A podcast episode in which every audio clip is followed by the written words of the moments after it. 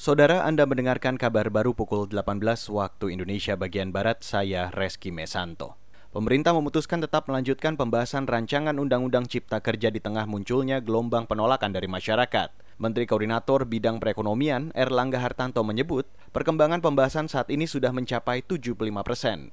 Ini disampaikan Erlangga di Jakarta kemarin. Menteri Koordinator Bidang Perekonomian Erlangga Hartanto menambahkan, pemerintah sudah mengundang kalangan pengusaha atau Asosiasi Pengusaha Indonesia atau APindo hingga tenaga kerja untuk rapat bersama.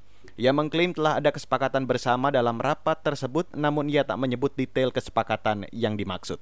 Beralih ke informasi selanjutnya, pemerintah daerah diminta membuat peraturan mengenai penerapan protokol kesehatan beserta sanksi bagi pelanggarnya. Arahan tersebut diatur dalam instruksi Presiden atau Inpres tentang peningkatan disiplin dan penegakan hukum protokol kesehatan yang terbit awal Agustus lalu. Di dalam Inpres tersebut, sanksi bagi pelanggar meliputi teguran lisan atau tertulis, kerja sosial, denda administratif hingga penghentian atau penutupan sementara penyelenggara usaha.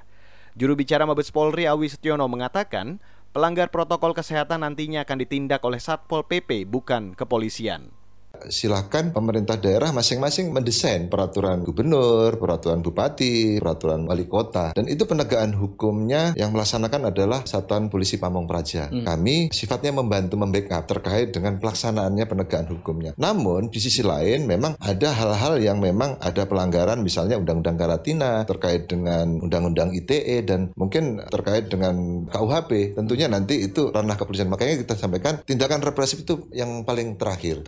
Sebelumnya, Presiden Joko Widodo menetapkan Inpres mengenai peningkatan disiplin dan penegakan hukum protokol kesehatan dalam pencegahan dan pengendalian COVID-19.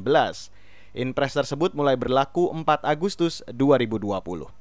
Saudara, seorang warga Rohingya di kamp pengungsi Balai Latihan Kerja atau BLK Kota Lok Sumawe kabur. Perempuan berinisial TS berusia 17 tahun itu diduga kabur dengan cara dijemput kolega senegaranya ke arah Medan, Provinsi Sumatera Utara. Kepala Bagian Operasi Polres Lok Sumawe Adi Sofyan mengatakan sudah menerjunkan tim untuk mencari keberadaan gadis asal Myanmar tersebut.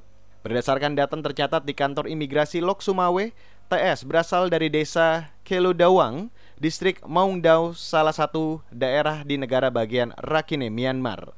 Krisis kemanusiaan yang melanda Myanmar menyebabkan TS mengungsi ke kamp Teknaf Cox Bazar di Bangladesh pada 2017 lalu.